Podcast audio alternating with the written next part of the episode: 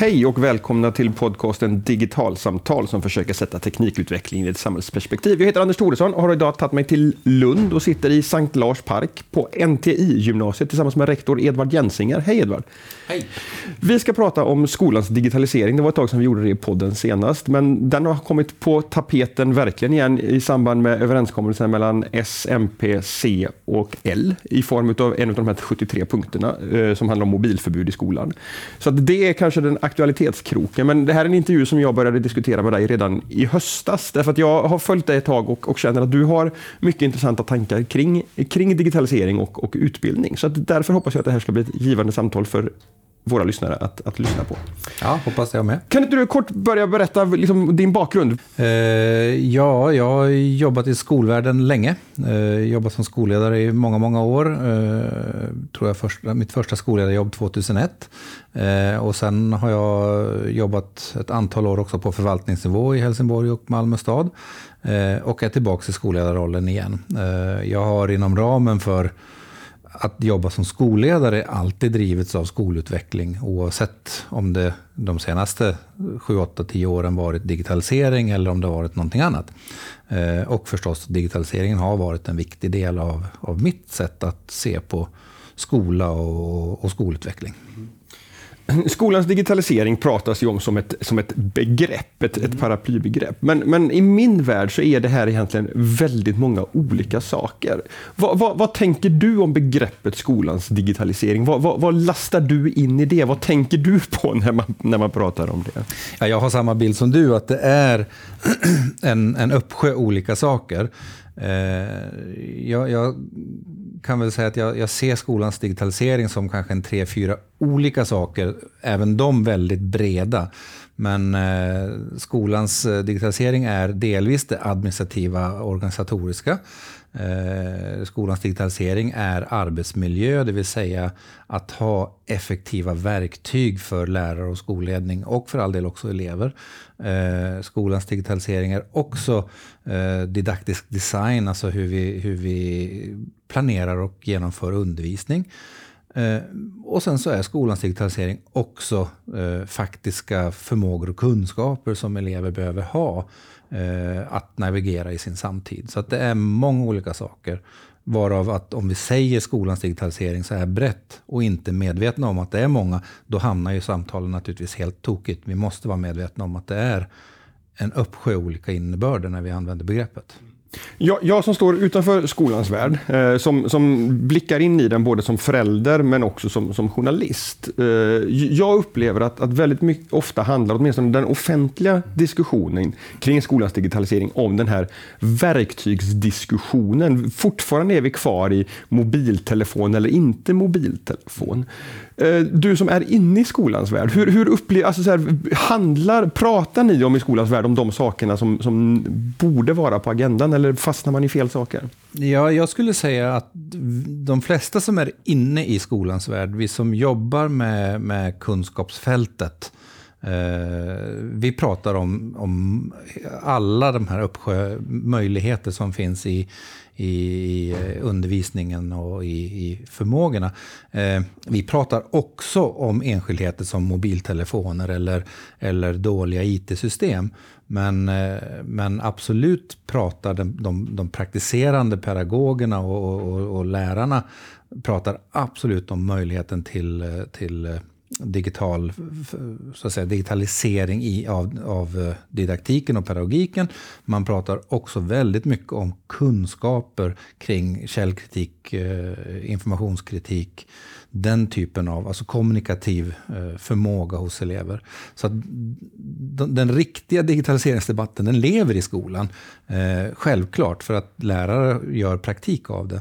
Men det får inte komma fram riktigt i samtalet. Utan i samtalet om skolan och skolans digitalisering, där där, där bedrivs de förenklade eh, argumenten och väldigt, väldigt höga toner. Jag brukar uttrycka att det finns eh, skyttegravar. Ingen är intresserad av att och att omvända någon annan, men mest bara intresserad av att skicka de elakaste pastejerna på varandra. Varför tror du att det har blivit så? Vad, vad är det som är så kontroversiellt kring skolans digitalisering som gör att man fastnar i de här skyttegravarna? Alltså jag tror att det finns eh, många saker som gör att det är kontroversiellt. En sak som, som gör att det är särskilt kontroversiellt är att det kostar mycket pengar. Eh, och att eh, de som tjänar pengar på skolans digitalisering har på olika sätt fört argumentationen kring digitaliseringen och, och, och så vidare. De, de, har lett den argumentationen och det, det det kan jag inte säga att jag tycker att de gör fel, för att det hade jag också gjort om jag var i deras kläder.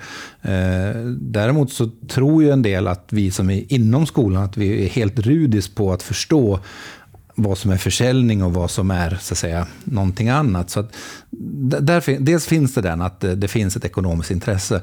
Men det är också det att skolan som, som område, med viss rätt förstås, men ändå är en ganska konservativ eh, organisation där förändring inte per automatik köps rakt av. Eh, det menar vissa argument, eh, argumentsförare att, att vi, vi sväljer allt med hull och hål. Ja, min, min bild är att det är precis tvärtom. Att man är väldigt konservativ på att göra förändringar. Och det är bra. Man måste veta att det man, det man förändrar är bra. Men man ser inte de här olika perspektiven, utan man väljer att föra fram det ena eh, av det.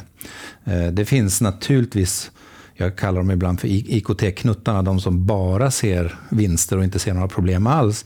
Men, och, och, de är absolut ett jätteproblem tycker jag, för att de drar undan mattan för alla vi som, som tycker att digitalisering brett är viktigt. Men det finns också de här Eh, de digitaliseringsmotståndarna eller de som, som eh, målar fan på väggen för allt och glömmer bort att vi lever i 2019 idag. Eh, och, och de där två får talutrymmet, de får agendan i, i det offentliga.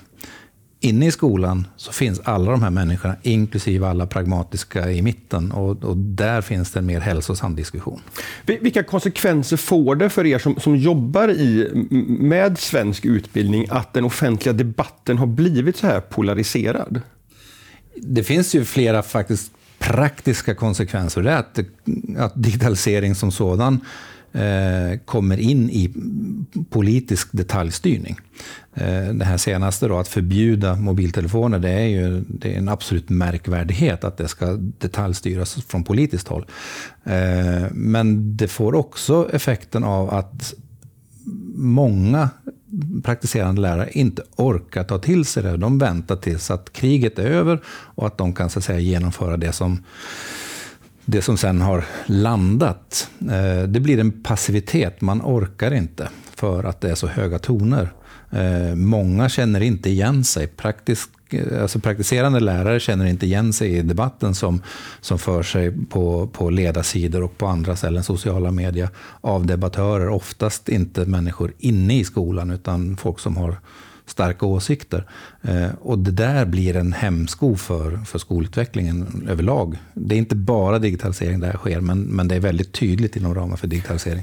Därför att man tröttnar på digitalisering som, som, som begrepp. Därför ja. att man, man, märker att tonläget är så här stort så man, man tar ett kliv undan och väntar på att dammet ska lägga sig lite grann. Absolut, och, och även att man då blir bankad i huvudet av uh, vetenskapliga rapporter som säger ditten eller datten. Ofta så är de ibland motsträviga också.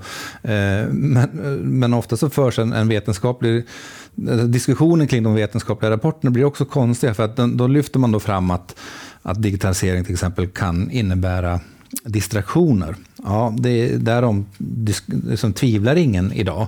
Digitalisering innebär distraktioner. Men det betyder inte att vi inte ska digitalisera. Det betyder att vi måste lära oss att hantera distraktioner. Eh, och, och, därför så blir det lite besvärligt när vi har skolor som, eller lärare som upplever att nej, jag orkar inte ta tag i det här, fast vi har förändringar i läroplaner och annat på grund av att tonläget och, och debatten blir helt skev. Mm. Och jag kan uppleva att det, det, finns ju märkligheter i det här. Som det här exemplet som du tar då med överenskommelsen om, om ett mobilförbud, som, som är en del utav, utav överenskommelsen inför den nya regeringsförklaringen. Samtidigt som vi för ett halvår sedan har en ny läroplan som, som träder i kraft, där det faktiskt är så att det står det att eleverna ska få lära sig hantera de här verktygen. Att, att det känns inte som att, att eh, politiker riktigt vet vad, vad, hur, hur, vad, vad, är det egentligen för förväntningar vi ska ha på skolan? Vad, vad, är det eleverna behöver lära sig och hur ska de göra? Och inte, inte liksom våga lämna över det till, till er som är proffsen på det här på något sätt. Ja, men så är det. Och, och det här senaste mobilförbudsfrågan, eh, i, i, vad kan det ha varit, senvår så kom Socialdemokraterna med det här förslaget. Det är rakt av ett plakatpolitiks eh, eh, framträdande där, eh, där man försöker vinna röster helt enkelt. Liberalerna och Björklund har ju haft den här frågan länge, eh, kanske inte alltid helt förankrat i allting.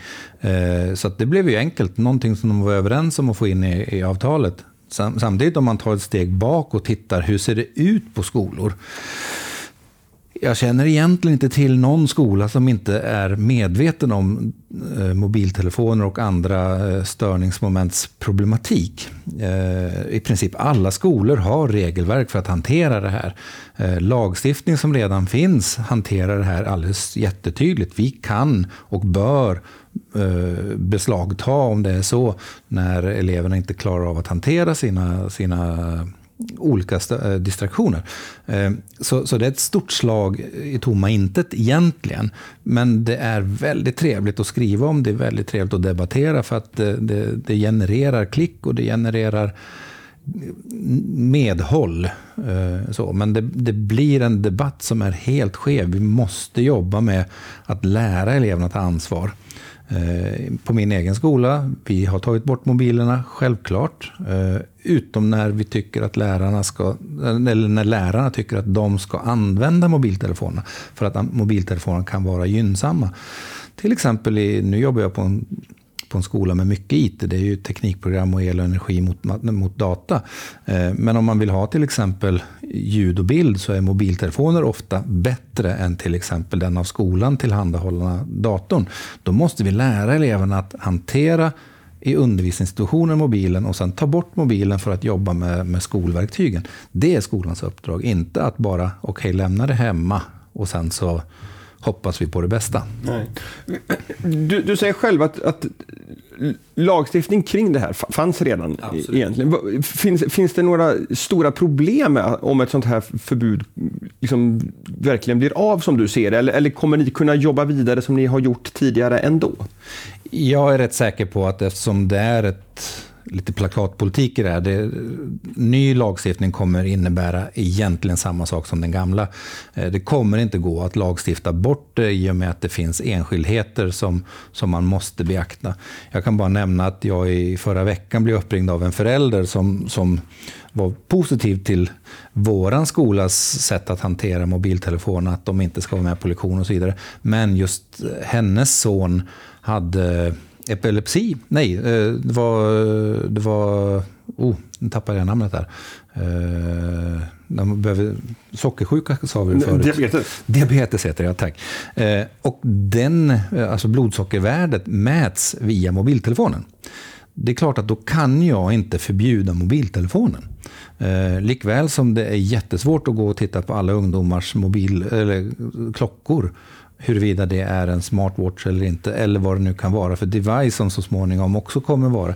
Så, så det är ett, slå, ett slag rakt ut i tomma, tomma intet som eh, får eh, gillande medhåll av folk som inte riktigt förstår teknik, menar jag.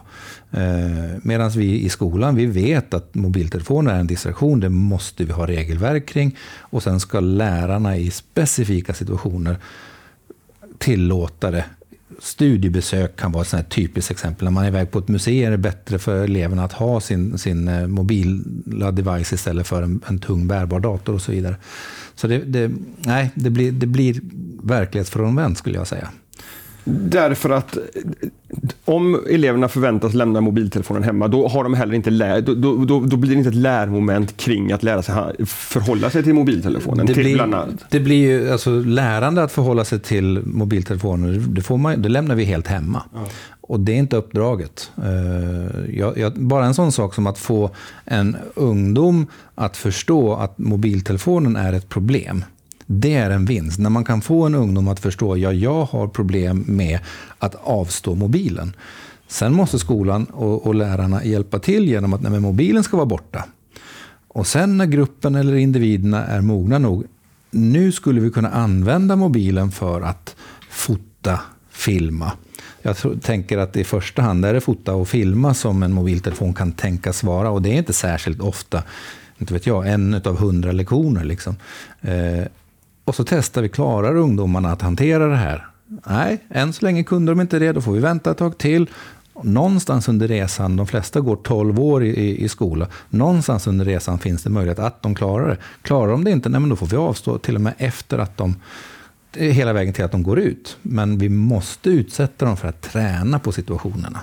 För, för här tänker jag att det kommer också skolans kompensatoriska uppdrag in. Att en, en, en del elever växer upp i, i, med föräldrar där man diskuterar de här sakerna hemma och, och därmed får en hjälp att förbereda sig på hur det faktiskt ser ut i yrkeslivet medan andra inte får det. Och det, det här är ju någonting, vare sig liksom politiker vill eller inte, teknik som finns i ungdomarnas liv. Mm. Och, och då, då, finns det också i styrdokumenten nu dessutom som politikerna har bestämt om att man ska få, få, få lära sig hantera de här sakerna. Ja men absolut. Eh, och, och jag personligen tycker tycker att det är ganska få situationer där mobiltelefonen verkligen behöver vara med. Men det förekommer. Och, och, bara en sån sak som att kunna ge eleverna den adekvata digitala kompetensen att förstå när en device eller en annan device är bra eh, och, och, kan, kan gynna så att säga, en situation. Eller eh, även när, eh, när devicer inte alls är bra, utan att helt och hållet kanske ha en bok eller någonting istället.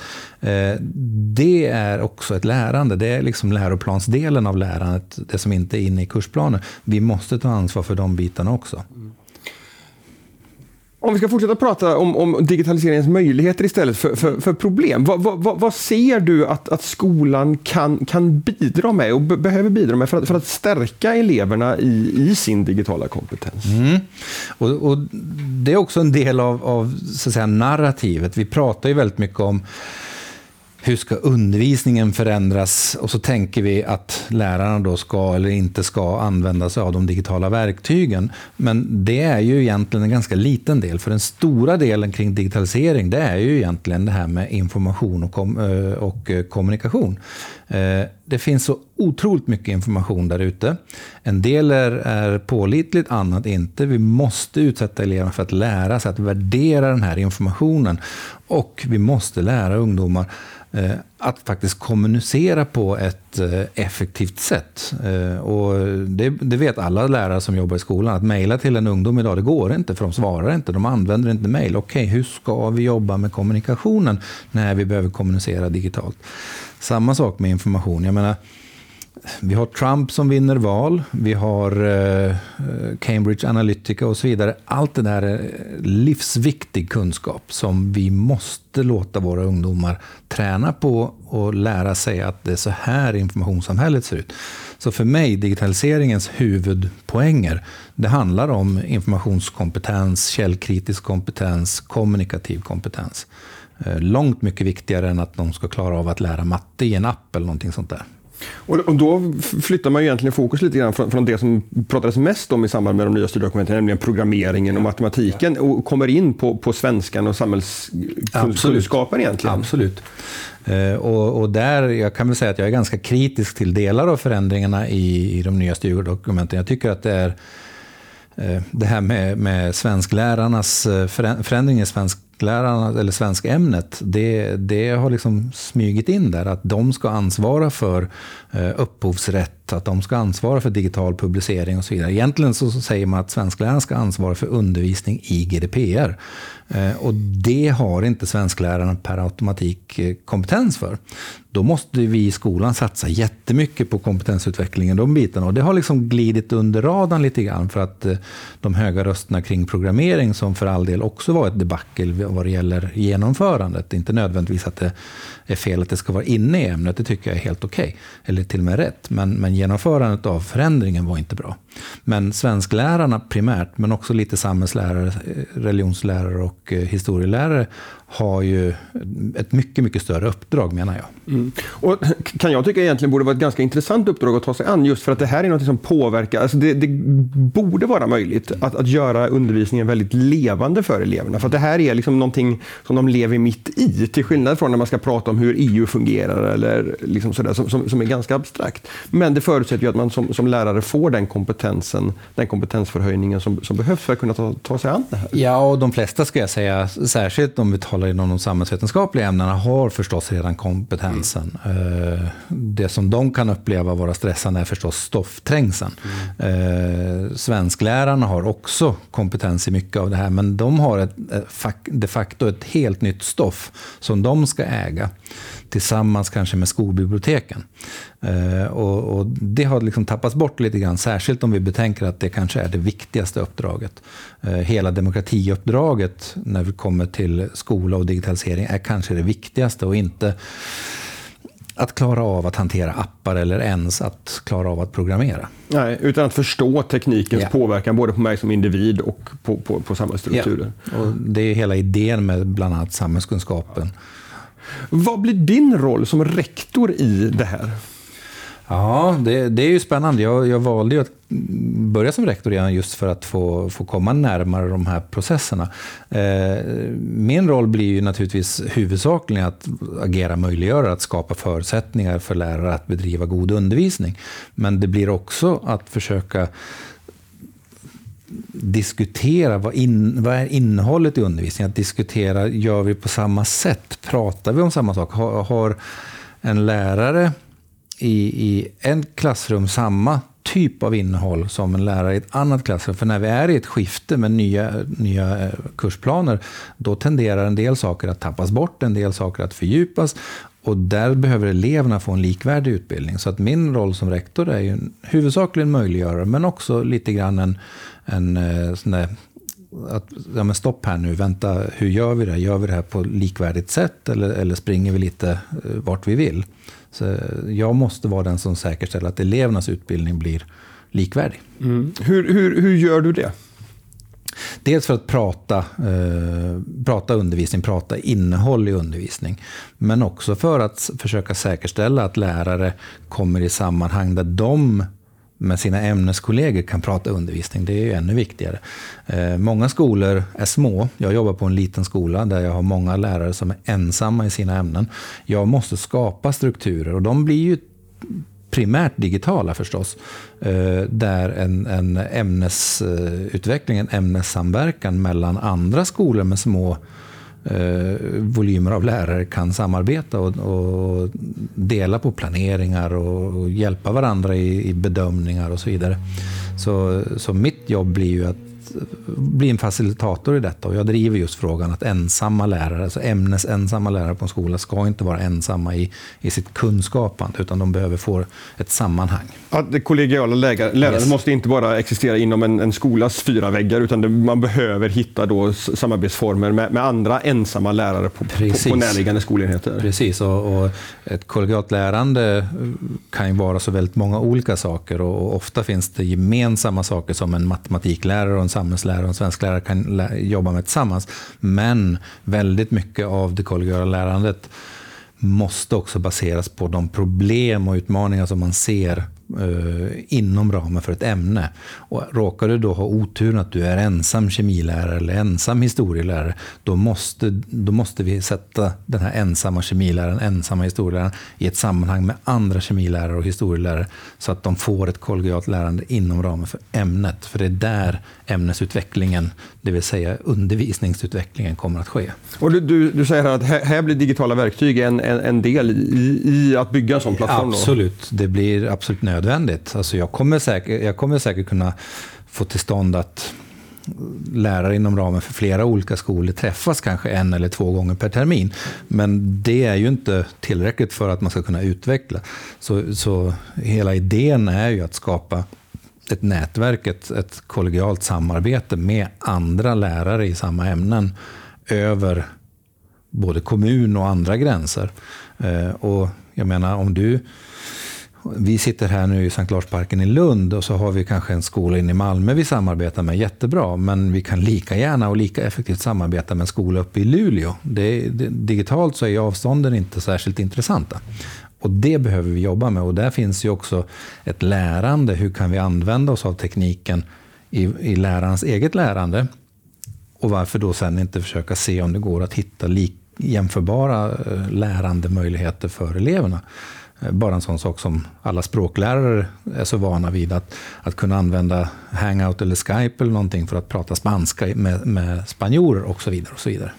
Nu, nu börjar vi närma oss en, en annan av de här mm. aspekterna av skolans digitalisering, nämligen era in, interna administrativa processer ja. och, och system. Vad, vad, vad, ser du för möjligheter där? Vad, vad, kan digitaliseringen innebära för hur man liksom organiserar och jobbar med, mm. med, med undervisning? Ja, man, man, ofta får, får digitalisering får kritik för att en del väljer att lyfta fram digitalisering som en effektiviseringsväg. Mm. Man ska effektivisera skolan, det vill säga spara pengar på skolan genom att digitalisera. Eh, det vet vi via, via forskning och, och erfarenhet, inte minst, att en, en digitaliserad praktik ofta blir dyrare. Eh, elever behöver läraren nästan mer när vi har digitaliserat. Men däremot de administrativa processerna och de organisatoriska processerna, där finns det mycket effektivisering att göra. Eh, tyvärr så, så förefaller det som att eh, marknaden, då, om vi talar utvecklare av olika slag, de har inte riktigt sett skolan som eh, de har inte sett behovet som skolan har.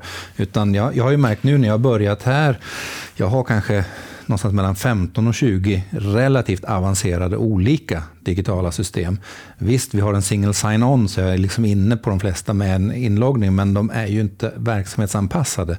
Det finns väldigt mycket arbetstid att spara in på, på det administrativa. Nu talar jag inte egentligen om lärarens administrativa arbete, nu talar jag om, om skoladministrationen och skolledarnas administrativa arbete. Där finns det jättemycket att göra. Och där skulle jag säga att skolan antagligen också andra områden, om jag har förstått saker rätt, kring vården och andra. Eh, det finns väldigt mycket att vinna, men vi är inte där än. Men, men handlar det om system för närvarohantering och så vidare? Eller vad, vad är det för typ av processer som... Jag, jag, skulle säga att det handlar, ja visst, det handlar om system för närvaro, men det handlar också om kommunikativa system. Det handlar, bara, bara en sån sak som, vi har då en, en, en stor kommun i landet som lägger ner de har väl kommit upp i en miljard nu för att göra en skolplattform. Eh, och så gör de samma misstag som alla andra alltid har gjort, det vill säga att ja, men vi ska ha en väg in för att lösa alla problem. Det har aldrig funkat. Istället för att hitta system som har extremt låga trösklar som på ett bra sätt löser ett definierat eller några definierade problem. Eh, vi har runt om i landet idag eh, lärare som är helt låsta att använda ett icke-fungerande LMS, Learning Management System, där de ska eh, föra eh, frånvaro, ja, visst, men de ska också köra sin formativa bedömning där och så är det ett dubbelklickeri utan dess like. Eh, och jag har jobbat tätt ihop med flera av de största utvecklarna i landet kring det här.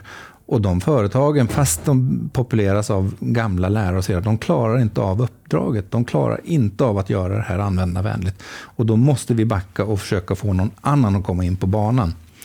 Eh, så, så det finns mycket administration att vinna. Men tittar vi på, de, tittar vi på bara en sån sak som eh, det systematiska kvalitetsarbetet. Det finns hur mycket saker som helst att göra där som minskar arbetsbelastningen. Men, men vi har inte systemen som stödjer idag.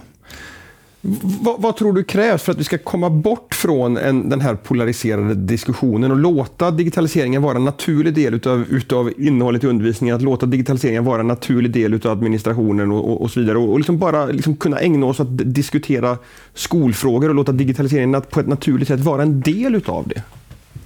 Jag höll på att säga att vi ska lagstifta bort eh, IKT-knuttarna och eh, digitaliseringsalarmisterna, eh, men det, det, menar jag egentligen inte.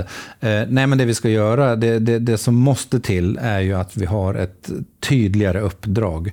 Eh, nationella strategin för skolans digitalisering, eller skolväsendets digitalisering, det, det, var ett bra första steg. Jag tycker inte att strategin var bra nog, men det var ett steg att peka på att ja, men det här är uppdraget.